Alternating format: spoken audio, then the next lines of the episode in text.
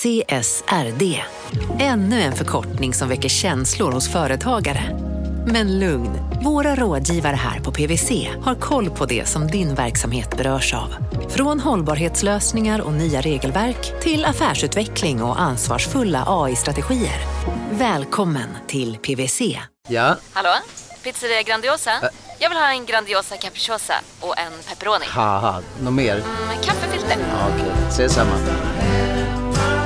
Grandiosa, hela Sveriges hempizza.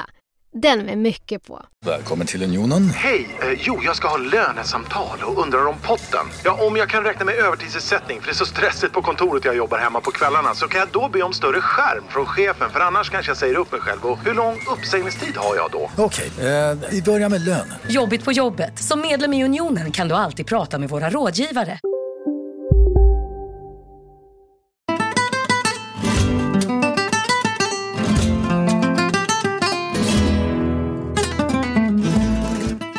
Hej och hjärtligt välkommen till podden Affärsvärlden Magasin. Jag heter Helene Rothstein och idag så blir det en rapport från Spanien. Och inte vilket Spanien som helst utan från Europas mest exklusiva bostadsområden.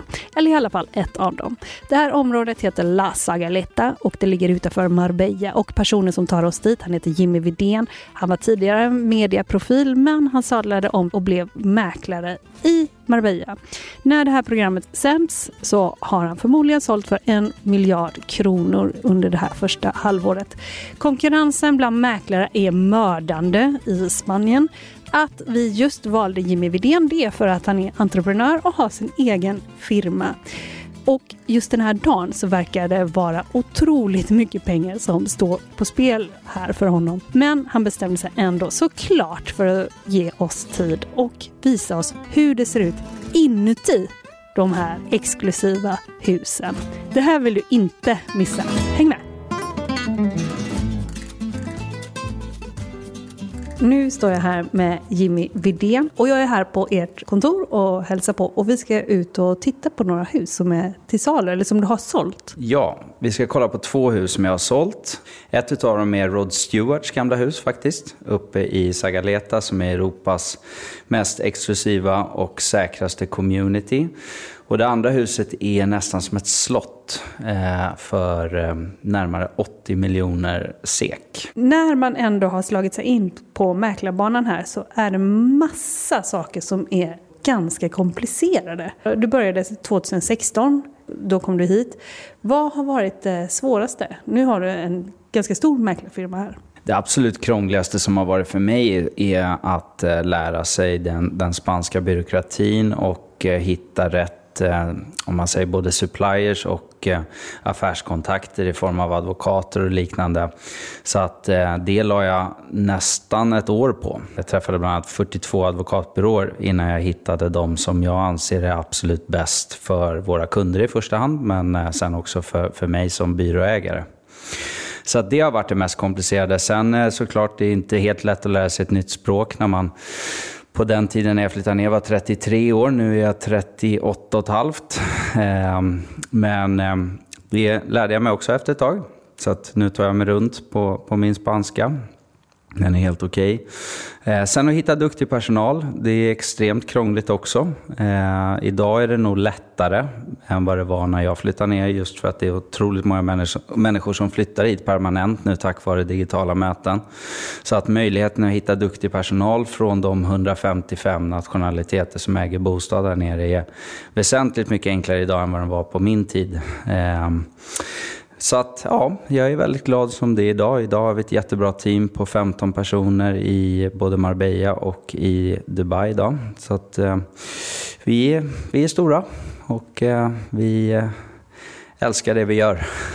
Du eh, kommer tidigare från mediebranschen och du sadlade om, inte mitt i livet, utan lite innan man kommer mitt i livet får vi hoppas. Va? Men du kom hit med tre och en halv miljon på fickan, kronor. Men framförallt så hade du ett annat kapital. Och vad kan man säga att det var för någonting? Eh, eftersom jag jobbade på TV4 i väldigt många år och byggde nästan 100 startups i, i marknadsföring genom TV4 och sen efter det ett par egna produktionsbolag så hade jag ett nätverk som, som var väsentligt mycket bättre än alla mäklarbyråer här nere tillsammans. eh, vågar man nästan påstå. Så jag hade 8000 VDR i stort sett. VDR-entreprenörer i mobilen. Och det var hela vårt fundament till att starta verksamheten. Därför att eh, det är extremt svårt att bli framgångsrik här nere om man inte känner mycket folk som är intresserade av att investera här nere och som har råd att investera här nere. Så det, det var nyckelfaktorn. Jag läste presentationsmaterial som ni hade kört ut till era kunder. Och en sak som eh, jag slogs av hade förändrats, det var att det är yngre människor som flyttar ner nu jämfört med när du kom hit 2016. Kommer det hålla i sig och kan du säga något om det? Ja, egentligen så kan man säga att covid var den utlösande faktorn till att digitala möten exploderade över hela världen. Och eh, idag är det jättetydligt att människor kan bo vart de vill och jobba med det som de jobbar med och tjäna pengar online. Så att Idag skulle jag säga att 65-70% av våra kunder är mellan 30 och 55 år och fortfarande operativa i sina verksamheter. Men när jag flyttade ner så var över 80% av våra kunder 55 plus och flyttade för att pensionera sig. Sen så har du självklart fortfarande samma segment och andel av kunder som köper semesterboende. Men, men det är en tydlig faktor att det som har skett sen covid är att man nu flyttar för att bo antingen nästan permanent eller helt permanent här nere. Och det är en väldigt intressant utveckling. Jag har varit här några timmar idag i Marbella. Jag har sett så otroligt många mäkleriföretag annonserar över, över hela stan kan man säga. Och eh, jag ser också att det byggs otroligt mycket och sådär. Konkurrensen måste vara mördande för er. Ja, den är störst i hela världen, konkurrensen. Det är 18 500 personer som um, kallar sig mäklare här nere. Man behöver ju ingen utbildning här som man behöver i Sverige till exempel. Men um, 18 500 personer är ungefär 7% av de som bor permanent. Eh, som alltså är konkurrenter till mig. Så att, eh, Ehm, ja, det är ingen walk in the park. Än viktigare att man gör ett bra jobb för sina kunder och får nöjda kunder. Då får man nya kunder. Så att, ehm, det är nyckelfaktorn. Ni har ju siktat in er på ganska rika personer, men jag hörde dig också säga någon annanstans att eh, man ska inte vara rik på vilket sätt som helst. Man ska inte ha vunnit på Lotto till exempel, utan man ska vara, ungefär menade du, om jag förstod det rätt, befinna sig i en kontext och ha ett eget nätverk. Ja, vi jobbar bara med entreprenörer och det gör vi helt enkelt för att de i sin tur har ett bra nätverk med sina vänner. Så att gör vi ett bra jobb för våra kunder som är entreprenörer eller höga chefer så får vi eh, ett väldigt bra ekosystem från dem då de rekommenderar sina vänner till oss. Eh, så att vi har inget emot att man vinner på Lotto, men eh, det finns andra mäklarbyråer som, som är bättre lämpade för att jobba med den typen av kunder helt enkelt. Har du själv blivit rik på det här? På Lotto? Nej. eh, nej, men jag, jag, jag har eh, tjänat väldigt bra pengar på det här. Det har jag gjort, absolut. Som jag förstod innan när vi talades vid så var det, det är två mäklare i en och samma affär. På säljarsidan och på köparsidan. Ja, det stämmer. I Sverige har vi bara en mäklare. Men här nere så har vi två mäklare. Och skillnaden på min byrå kontra alla andra nästan, det är att vi bara är köpmäklare. Så att vi står bara på köparens sida, men det är säljaren som är obligated by Spanish law att betala även vår kommission. Så att på så sätt är det väldigt smidigt att jobba med oss för att vi ser till så att våra kunder gör bästa möjliga affär. Och det kostar ingenting. Ett eh, objekt för 100 miljoner, då eh, kan provisionen ligga på Ehm, det är jätteolika beroende på om det är ett befintligt objekt eller om det är ett objekt som ska byggas från, från grunden och så vidare. Men kommissionerna här nere är mellan 1 och 5 procent ungefär. Och sen så ska det delas upp mellan säljsidan och köpsidan. Och hur delas det då? Det delas 50-50 oftast. Men ibland så, så är det ju så att köpmäklaren kan få 60% och säljmäklaren 40%. För att någonstans är det ju så att om du inte har köparen så finns det ingen affär. Eh, du kan ha hur många objekt som helst till salu men, men det är den mäklaren som kommer med kunden som sitter på makten. Hittills i år har ni, ni närmar er miljarden, eller? I försäljning. En säljbroschyr så var det 850 miljoner. Ja, idag är det 5 maj och vi har sålt för 830 miljoner SEK hittills i år inom hela organisationen. Är det rekordår? Absolut. Det är, eh, jag skulle säga att det är 250 procent upp mot föregående år, year to date. Vad beror den här ökningen på och de här pengarna på? Det beror 100 procent på att nöjda kunder ger nya kunder och att vi är inne i år 6. Så att eh, vi har helt enkelt fått en väldigt bra snurr på de kunder vi har jobbat med sedan dag ett som rekommenderar oss till sina vänner. Och sen så beror det på att väldigt många mer människor har fått upp ögonen för att flytta hit helt enkelt. Och och eh, att vi har hittat en väldigt bra nisch i vår marknadsföring. Vi gör mycket kommunikation på mottagarens villkor och säljer Marbella snarare än säljer en specifik bostad. Och eh, på så sätt så får vi väldigt bra förtroende helt enkelt från, från våra kunder. Hur ser priserna ut då? Går de upp eller går de ner? De går uppåt, eh, men i en lagom takt. Jag skulle säga 5-6% per år ungefär. Jag, jag pratade med en som hade köpt här under corona. Då gick de ner, priserna. Nej? Mm, ja, eh, det skulle jag inte säga. Det, det, var en myt som många gärna ville skulle ske, eh, skulle ske. Men det var två månaders stiltje. Sen så gick det spikrakt upp i efterfrågan kan man säga. Eh, och on the other hand så fanns det väldigt mycket objekt till salu men det mesta är sålt nu. Så att nu byggs det i en jättetakt för att möta helt enkelt efterfrågan. Du sa att det fanns 18 000 konkurrenter, någonting. Vad sa du? 18 500 mäklare finns det. Och det finns många stora internationella drakar som är här. Hur ser mar liksom marknadsandelen ut? Eh, jag skulle nog säga att vi hittills i år är, om inte störst så är vi tredje största ensamägda byrån. Det vill säga jag, jag äger byrån 100% och vi tillhör inte någon internationell kedja. Vi är ingen franchise eh, franchisebutik här nere om man säger så. Utan vi, vi har startat vårt eget varumärke från scratch och vi är i alla fall topp tre eh, på, på hela kostade såld. Det är jag helt säker på. Vi har inte sagt vad ni heter. Eh, 3SA Estate står för Three Steps Ahead. Så en trea, ett S och ett A. Hur mycket har du själv sålt för? Jag har nog sålt för i runda slängar en och en halv miljard själv sen jag flyttade ner. Kan man då tänka lite slarvigt, då har du fått X procent på det? Mm, det kan man. Men jag har också stått för 100 procent av alla kostnader. Ja, just det. För man tar ganska stor risk som mäklare också. Du tar ganska stor risk i affärer. Mer än vad man, en svensk mäklare vanligtvis tar. Ja, vi är ju längst ner i, i, i näringskedjan här nere kan man säga. Det är advokaten och notarierna som sätter ihop affären, men det är vi som skapar affärerna. Eh, men vi får betalt sist av alla. Till skillnad mot i Sverige där mäklaren får betalt direkt vid kontraktsskrivning. kontraktskrivning. Här är det tre kontraktskrivningar i hela processen och Eh, vi får betalt först när nycklarna är i handen på kunden. Men den största skillnaden är att det inte finns något Hemnet. Så att det är ingen idé som köpare att sätta sig och försöka googla och hitta objekt själv. För att eh, systemet här nere är nästan motarbetande för slutkunden kontra Hemnet i Sverige. Så att här nere måste man prata med en mäklare och man ska helst prata med en mäklare som har tillgång till alla objekt, typ som oss.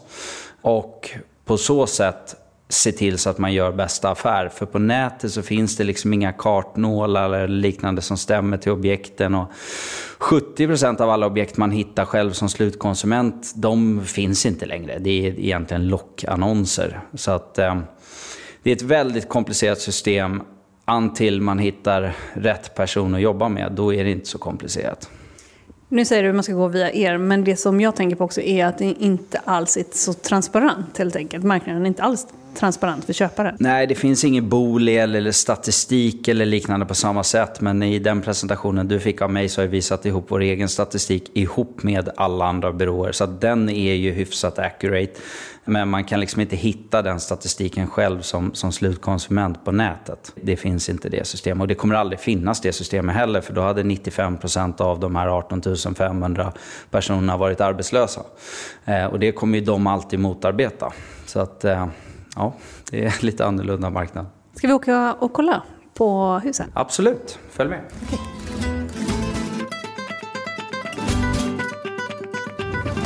Okej, okay. så nu är vi ute och kör. Och var, var är vi nu? Nu har vi precis kört in i Nueva Andalusia som ligger egentligen i mitten av Marbella. Och eh, det här är svensknästet skulle man kunna säga. Här vågar jag påstå att ungefär 35 procent av alla boende är svenskar. Eh, och nu kommer vi upp mot Los Naranjos Golfklubb som är ägt av svenskar och egentligen används bara av svenskar. Och sätter man sig på restaurangen här så finns det köttbullar och mos och det finns pyttipanna och det finns svenskt knäckebröd och allt möjligt. Så, så det här är väldigt, väldigt svenskt i då spanska Marbella. Har du själv, eh, har ni sålt massa grejer här? Här har vi sålt väldigt mycket, ja. Absolut, det har vi gjort. Vi har en ökning av svenskar, eller? Det är 14,6 procent av alla fastighetsköp som gjordes förra året som, som genomfördes av svenskar. Innan covid så var det 10,9 procent så att det är en ökning på 33 procent eller något sånt där sen, sen covid eh, i svenska människor. Och vilka är det som kommer och köper nu? De flesta nu är mellan 30 och 55 år ungefär. Det betyder inte att de som är över 55 år har, har börjat köpa mindre men vi som byrå har sett en väldig ökning bland fortsatt operativa svenskar, familjer helt enkelt. Runt, låt säga i genomsnitt 42 år med ett eller två barn. Och stannar de kvar eller hur ser det ut? Ja, det som är lite intressant är att vi har än så länge noll stycken kunder under de här sex åren som har kommit in på kontoret efter ett par år och sagt att tack för att du sålde det här till oss från början. Eh, vi har haft det bra men nu vill vi flytta tillbaka till Täby. Det har faktiskt aldrig hänt. Du sa att drygt 14 procent nu var svenska förra året. Vad är den största nationaliteten? Är det spanjorer? Nej, det är engelsmän fortfarande faktiskt. De ligger runt eh, 29 procent. Men spanjorerna börjar komma tillbaka och speciellt då min generation om man säger så runt 38 år, de börjar verkligen köpa igen. Eh, så det är jättekul. De blev lite skraja efter att spanska ekonomin kraschade 2006 och sen hela världens ekonomi kraschade 2009. Men nu, eh, nu har de fått eh, blodad tand igen och det är tack vare faktiskt covid. Det gjorde att spanjorerna hyrde här nere från, från Sevilla och Madrid där de inte har något hav. Så hyrde de helt plötsligt här nere under covid-somrarna och eh, fick upp ögonen igen för, för Marbella och eh, har börjat köpa här nu. Eh, men vi säljer väldigt lite till spanjorer faktiskt. Säljer ni framförallt till svenskar? Ja, jag skulle säga att 60 procent av våra kunder är, kunder är svenska entreprenörer och sen är 40 procent fördelat på ungefär 15 nationaliteter. Jag tänkte på detta att ni var uppe i, snart en miljard, jag är lite fix, fixerad vid det. Dröjer ju lite kvar till dess, men ni borde nå det det här året va? Vi kommer nå en miljard eh, i försäljning redan eh, innan juni är slut. Då har ni något stort på gång? Ja, vi har, vi har jättemycket affärer på gång, men eh, Eh, Eh, det är, det är bara statistik helt enkelt som, som säger att vi kommer nå det. Jag tror till och med att vi når jag tror att vi når hela vägen till 2 miljarder totalt i år. Eh, vilket vore i sådana fall ett jätte, jätterekord och, och superkul såklart. Du lyssnar på Affärsvärlden Magasin med Helene Rådstein. Marknaden sponsras av SPP, pensionsbolaget. Eh, förra gången pratade vi lite om ITP. Och som en kort repetition så, så var det ju 70-tal, arbetsmarknadens parter bestämde att alla tjänstemän ska ha en tjänstepension. Man kom överens om vilka villkor som ska gälla i den här pensionen och så kallade man den för ITP. Så jobbar man idag som tjänsteman i ett företag med kollektivavtal, då har man förmodligen den här pensionen, ITP-pensionen. Eh, och det är ju så att man kan påverka eh, den här pensionen, hur den är placerad. Vart femte år så gör nämligen Collectum, som de heter, en enorm upphandling där olika pensionsbolag kan ansöka om att få förvalta eh, de här pensionerna. Och SPP är ett av bolagen som valdes ut i den senaste upphandlingen. Och sen kan du som pensionssparare välja eh, vilket av de här olika pensionsbolagen som, som då ska få ta hand om dina pengar. Och tanken med den här upphandlingen det är ju att liksom kvalitetssäkra de här olika alternativen eh, men också att förhandla fram stora rabatter så att pensionsspararna ska få ja, kunna spara pengar genom att avgifterna eh, som är så viktiga eh, blir eh, lägre. Och vill man välja någonting i ITP-systemet då finns det en relativt ny sajt som heter avtalat.se. Ehm, där kan man gå in och se hur sin ITP-pension är placerad. Jag gjorde det häromdagen faktiskt. Ehm, idén är att hälften av pengarna alltid ligger i något som kallas för traditionell försäkring. Det här gjorde vi ett avsnitt om i podden Kapitalet nyligen eh, som vi kallade världens bästa sparform. kan man lyssna på om man är intresserad. Eh, den andra halvan eh, den kan man också lägga i en traditionell försäkring eller så kan man placera det i något som kallas för fondförsäkring. Ehm, SPP som sagt eh, var ju ett av de fåtal bolagen som valdes ut i den senaste upphandlingen och de finns med som alternativ både med en traditionell försäkring och med eh, fonder. Så det var en liten bakgrund till ITP-systemet. Vill man läsa mer om det här eller typ kolla hur ITP-pensionen är placerad, eh, kanske göra förändringar, då går man in på avtalat.se. Eh, men tack säger jag till SPP som vill göra oss människor mer medvetna om hur enormt viktig pensionen är för oss som en framtida lön, men också som en positiv kraft i samhället eh, och förstås för att ni möjliggör eh, den här podden Marknaden.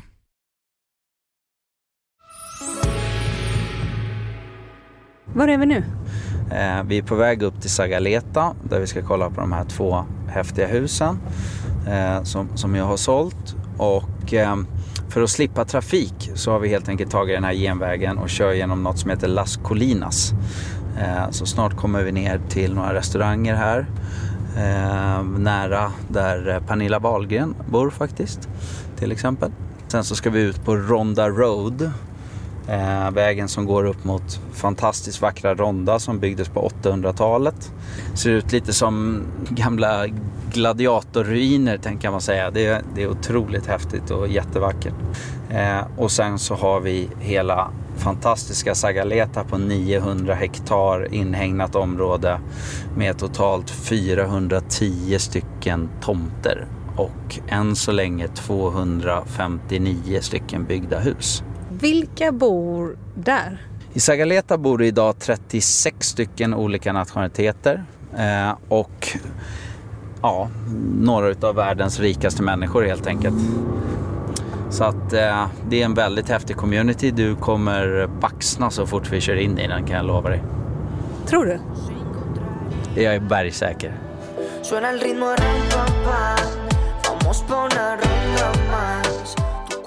Nu får du plocka ner mikrofonen för nu ska vi in i Sagaleta här som är lite hårda med security och Okej. Okay.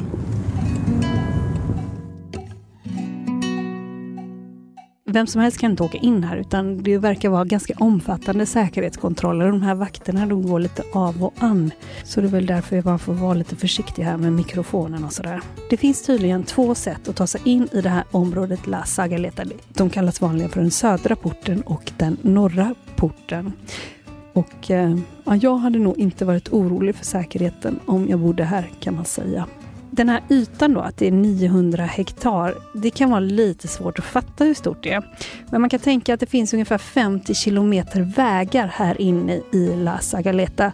Alltså, om du någon gång har varit inne i en gated community, så typ tänk bort det. För det här är liksom som en liten stad eller ett område som är jätte, jätte, jättestort. Man kan liksom inte se vart, vart det här tar slut riktigt.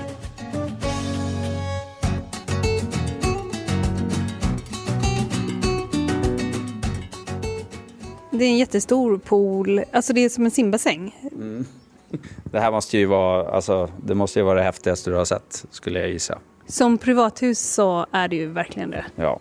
Eh, nej, det, det, alltså, det, det är svårt att ta in. Eh, när jag sålde mitt första hus här så, så grät jag faktiskt av glädje. Jag tyckte att det var så otroligt häftigt.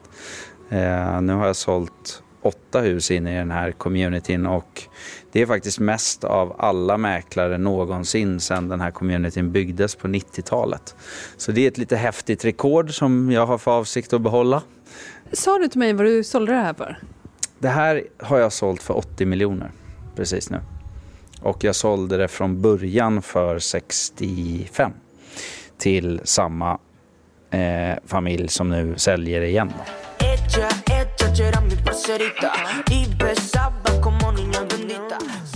Det finns också ett litet uthus här där man kan äta. Där, eller vad är det? Matsal som liksom går ut i bergen? Ja, det är som en, en, en, en egen paviljong kan man säga eh, utomhus men med som du ser dörrar som, som man kan skjuta upp och öppna upp också om man vill. Men Eh, ett fantastiskt härligt hus i rakt västläge där man sitter och njuter av solnedgången helt enkelt och grillar bakom.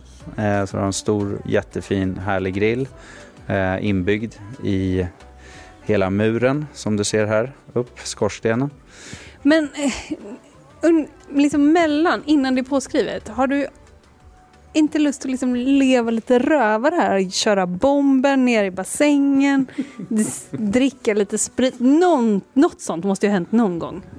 Alltså jag brukar ju oftast bli inbjuden av mina kunder på, på middagar och, och fester och så vidare. Så att jag, jag får aldrig något cravings att göra någonting när de inte är här. Eh, jag, jag, har privilegiet att, att bli inbjuden när de är här istället. Så att det, det går alldeles utmärkt. Men eh, en fördom då? Jag tänker sådana här områden att det kan vara, det är ju jätte, jätte tjusigt, verkligen. Men en fördom jag har är att det blir lite trist i sådana här områden. Att det händer liksom inte så mycket och man blir lite ensam och sådär. Vad säger du? Här köper man ju för att man vill ha privacy och för att man vill ha lugn och ro. Så att otroligt många av de 259 hus som är byggda här ägs ju av världens rikaste och mest eh, framgångsrika människor egentligen som, som vill ha så mycket privacy som möjligt. Så det är därför de köper här. De vill inte ha nära restauranger och människor och så vidare utan de vill vara med sina familjer och ha lugn och ro. Om du säljer för 80 miljoner, hur mycket får du då? Eh, på det här huset får jag 2 procent. Ja, fast det dröjer? Mm, det tar uh, många gånger uh, väldigt lång tid. I det här fallet har det tagit tre månader innan, innan tillträde. Då. Så att, det är lång tid. Eller det kommer faktiskt ta fyra och en halv månad innan nyckelöverlämningen sker. Men, men imorgon så signas kontraktet som så att säga är det bindande. Det är en bra dag för dig imorgon då? Imorgon är en bra dag, fast jag får inte betalt förrän om en och en halv, två månader. Ja, okay, okay, jag förstår. vi kan gå upp i master bedroom om du vill. Ja, det gör vi.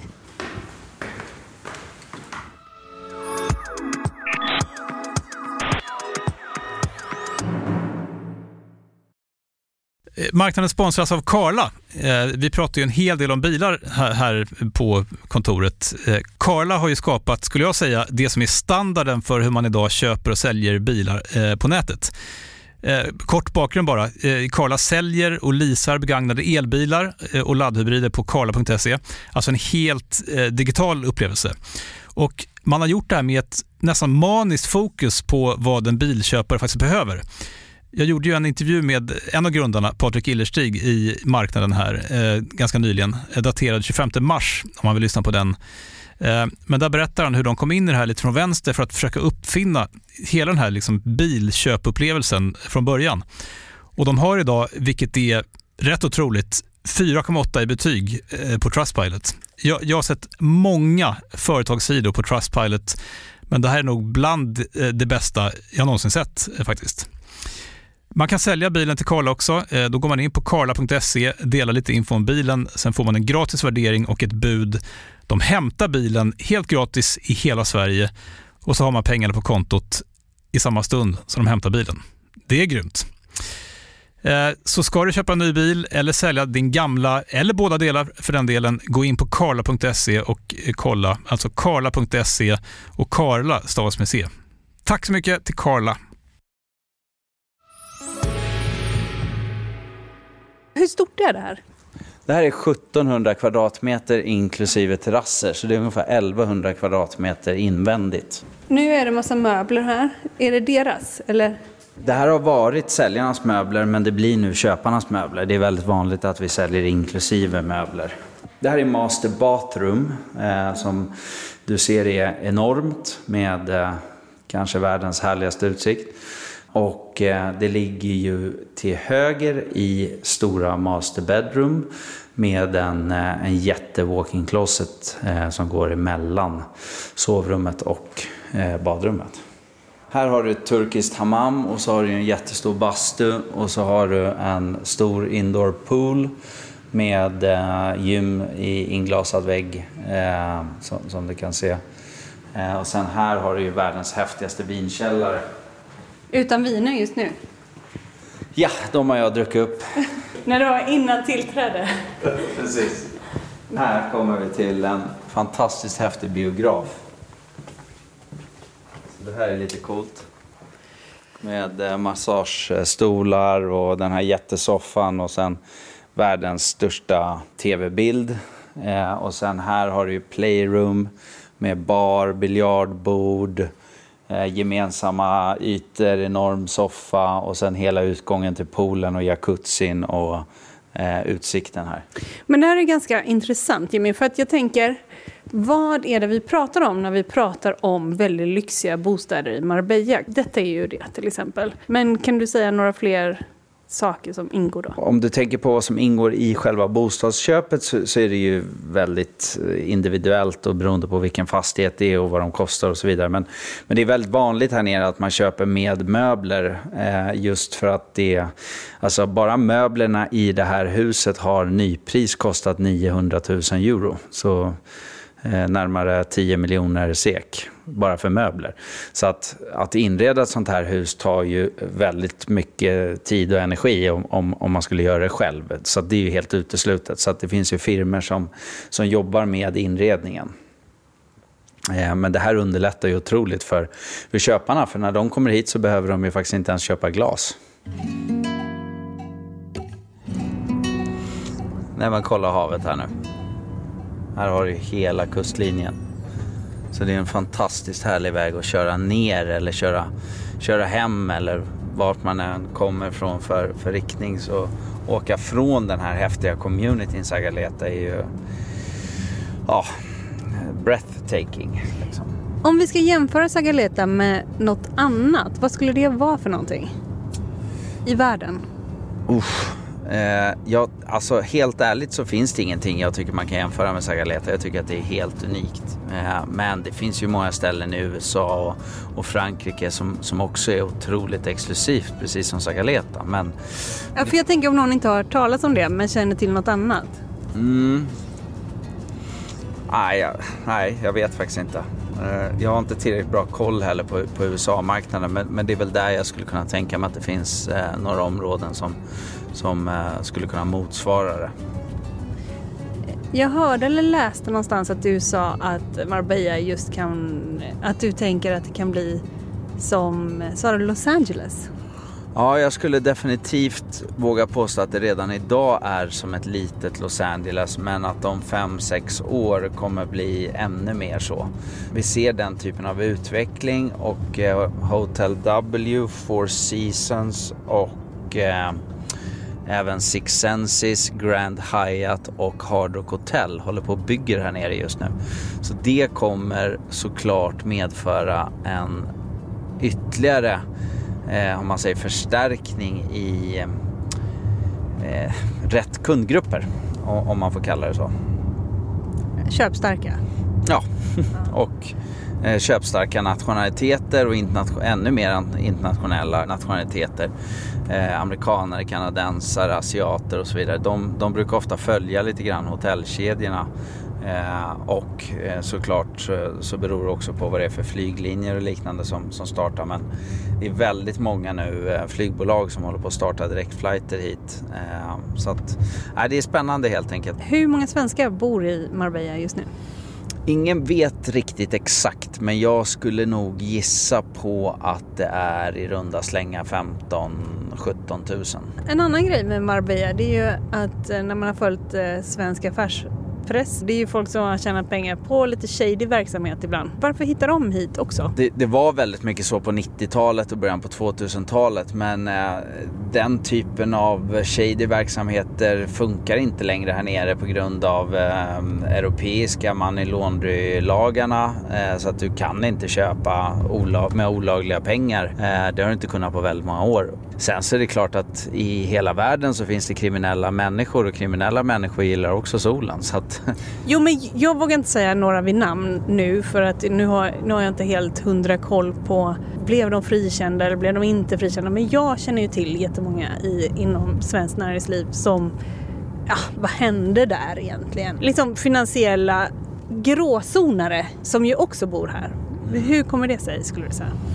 Nej men de, eh, de är ju människor de också och eh, vill ju åt samma livskvalitet som eh, alla andra som så att säga inte har gjort shady business. Så att jag skulle väl säga att de troligtvis då vill komma ifrån rampljuset i svensk media och därför har valt sig att bosätta, bosätta sig här nere. Men att de troligtvis hade bosatt sig här nere även om de hade gjort shady business eller inte just på grund av att det, det är så härligt att, att bo här.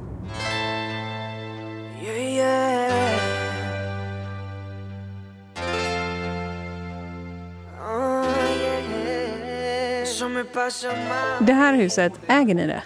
Nej, nej, nej. Det här har jag sålt till en, en familj som äger det. Och vi hyr idag ut det här veckovis eh, till olika typer av, av kunder, företag och så vidare som vill komma hit och konferera med, med managementgruppen eller privatpersoner som helt enkelt vill hyra för stunden och ha en härlig period.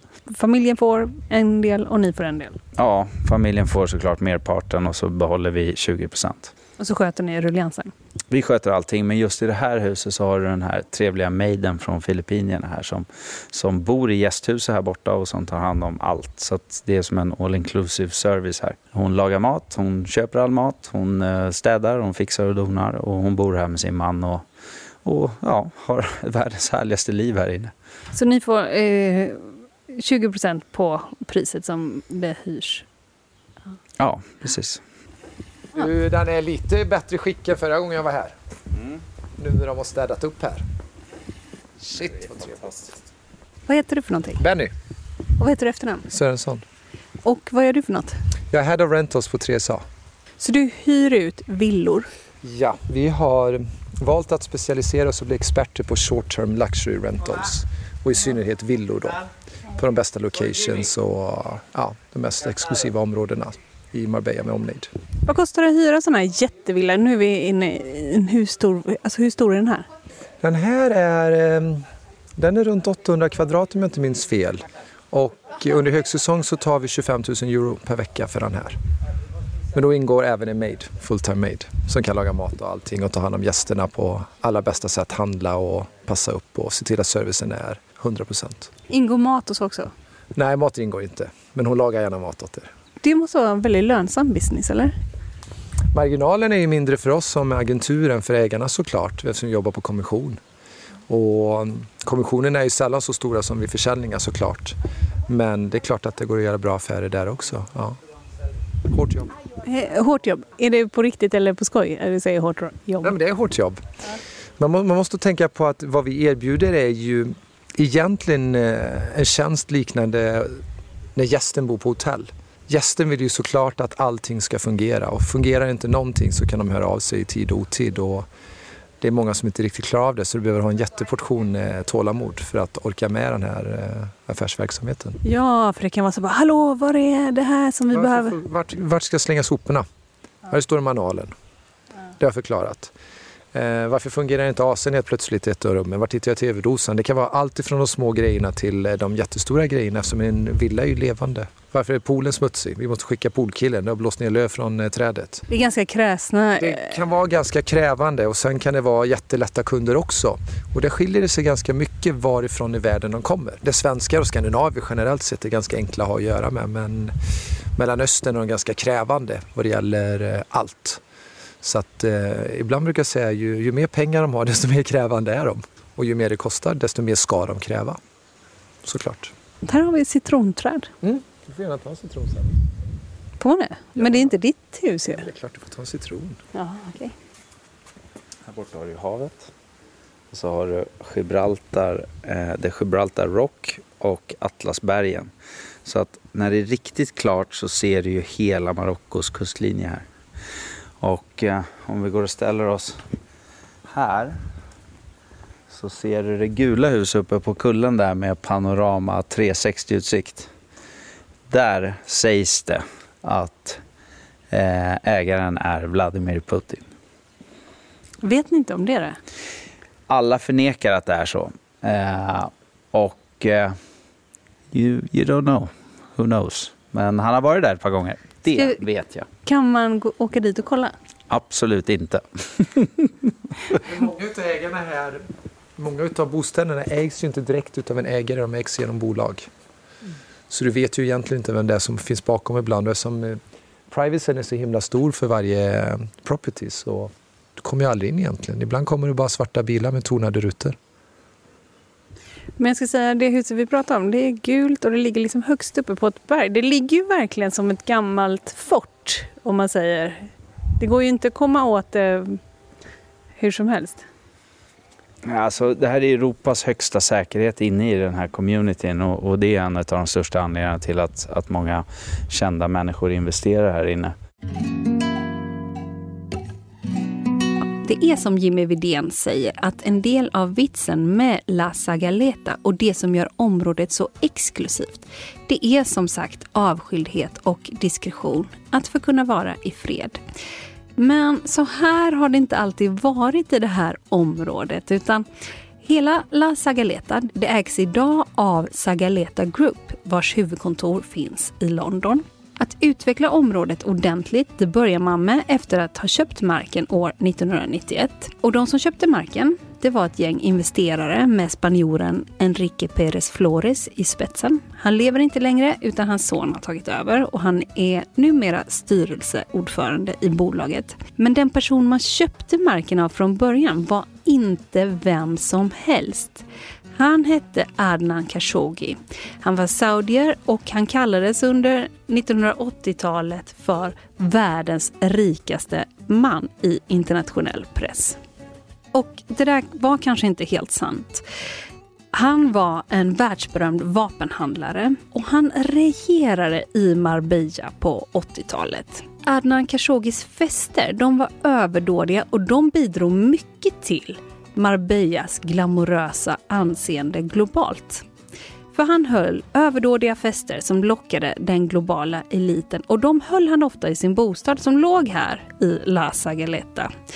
Ett område som han alltså ägde på den tiden och som då hette La Baracca. Adnan Khashoggi gjorde också en rad tvivelaktiga affärer och han hade dessutom ett ganska stort harem av unga kvinnor. Och förutom de här festerna i bergen så hölls också stora fester på hans båt Nabila i Puerto Banús. Men för att hålla den här livsstilen som han verkar ha bedömt vara nödvändig för sin image så sägs det att han förbrukade runt 250 000 dollar per dag. Och denna extravaganta livsstilen blev senare hans fall kan man säga. Egendomen La Barraca, som senare blev La Sagaleta, hade miljoner i skulder och marken såldes på auktion till ett värde av 40 miljoner euro på uppdrag av National Commerce Bank Jeddah. Den egendomen som senare då blev ursprunget till urbanisationen La Sagaleta som idag alltså anses vara den lyxigaste och mest exklusiva i Europa. Och även om det här är ett sidospår så kan jag lägga till ytterligare ett sidospår här för att denna saudiska vapenhandlare som alltså tidigare ägde den här marken. Han var också morbror till den saudiska journalisten Jamal Khashoggi som alltså mördades vid det saudiska konsulatet i Turkiet i oktober 2018. Så då förstår ni vilken historisk mark det är vi besöker den här dagen. Här nere har du the, the Old Golf Course eh, som går här nere. Och sen på andra sidan där vi kommer ifrån inne i Sagaleta här så har du the New Golf Course. Ehm, men här kan du ju se att det är väldigt många vackra stora spanska mansions och sen i den delen vi kommer ifrån så är det mer moderna eh, nybyggda hus och det beror helt enkelt på när husen eller när tomterna var, blev bebyggda från första början. Vilken stil som var modern då. Husen är byggda mellan vad? Från 90-talet eh, så byggdes hela den här communityn. Och det finns rättigheter för att bygga 409 eh, hus totalt och än så länge så är det 258 eller 259 som är, är byggda. Då. Så att om sju år ungefär, då är hela den här communityn färdigbyggd och eh, då är det slutsålt forever helt enkelt. Eh, vilket kommer göra att, att priserna kommer, kommer stiga ännu mer, troligtvis 100 procent upp. Finns det andra kändisar som bor här runt omkring? Eh, där är Putin, sa vi. Alltså hela Sagaleta har ju egentligen bara väldigt förmögna människor och kända människor. Nu har jag bara namedroppat personer som egentligen inte har någon betydelse för mig så att jag har lite svårt att säga eh, väldigt kända människor som, som lyssnarna känner till. Eh, det, det är konfidentiellt men eh, man kan säga att otroligt mycket häftiga och framgångsrika människor bor här helt enkelt. Eh, Cristiano Ronaldo hyrde ett hus som jag sålde för ett år sedan under hela coronan egentligen. Under hela lockdownperioden så var han här med familjen under största hemlighetsmakeri och hyrde ett hus som hade en otroligt lång tomt och ganska bergig tomt, eh, men med gräsmatta såklart. Men, så att han kunde träna där. Så det var syftet till att de hyrde just det huset. Det är alla möjliga gamla fotbollsstjärnor och gamla vd och entreprenörer och globala företagsledare som, som har hus här inne helt enkelt. Men här, de här objekten här, det måste ju vara en jättekamp om att få sälja dem. Vilka tävlar ni mot? Här eh, är det en kamp kan man väl säga på ett sätt, men på ett annat sätt så är det väldigt få mäklare som har kunder med ekonomi att köpa här inne. Så att jag skulle säga att det är ett tiotal mäklarbyråer inklusive oss som, som är dominerande inne i Sagaleta. Och hur är det, är det så här Sotheby, alltså sådana också? Ja, globala byråer helt enkelt. Men, men vi är den största svenska byrån någonsin inne i Sagaleta. Var åker vi in i nu?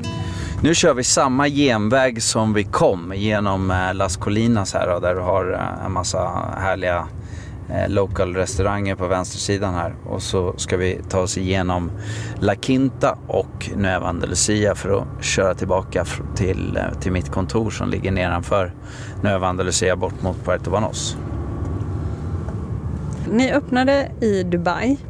Vad är det för klientel? Det känns ju liksom mer vansinnigt än Marbella. Det är mer, ännu mer spektakulärt kan man säga och eh, det är otroligt dyrt att leva där. Eh, men det är ju en storstad med, med eh, om jag inte minns fel, eh, 1,2 miljoner människor som, som bor permanent. Det är också väldigt svårt att säga för att det är många som är skrivna där och inte bor där och så vidare. Men, men det är ju en skyskrapestad helt enkelt eh, och eh, går absolut inte att jämföra med Marbella. Det är ju en, det är en öken och eh, Eh, egentligen byggt. Allt är fejk. Det är en öken från början. Här har du ju världens härligaste grönska områden och så vidare. Men eh, Dubai eh, eh växer otroligt mycket och har till och med 200 nationaliteter som äger bostad där. Så vår kundgrupp i Dubai är jättespridd. Eh, jag skulle säga att vi har ungefär 20% svenskar eh, istället för ungefär 60% här i Marbella då, som köper genom oss. Och sen är det allt från italienare till polacker till eh, kanadensare till engelsmän till eh, indier, Iran, ja, jätteblandade nationaliteter verkligen. Var det slump att ni gick dit och ska ni gå in på några fler marknader? Det var ingen slump alls utan har väldigt mycket med hur jag tror att världen kommer att utveckla sig när det kommer till rika människor. Man kommer ha bostad på fler ställen och välja att bo på olika ställen beroende på tidsperiod helt enkelt. Och vi kommer med största sannolikhet öppna på ytterligare ett väldigt spektakulärt ställe men det kan jag tyvärr inte säga vilket det är för att då kommer någon konkurrent hinna före mig och det vill jag inte. Du har sålt här 80 miljoner, 50 miljoner. Det är två jätteaffärer som eh, du håller på att stänga nu eller?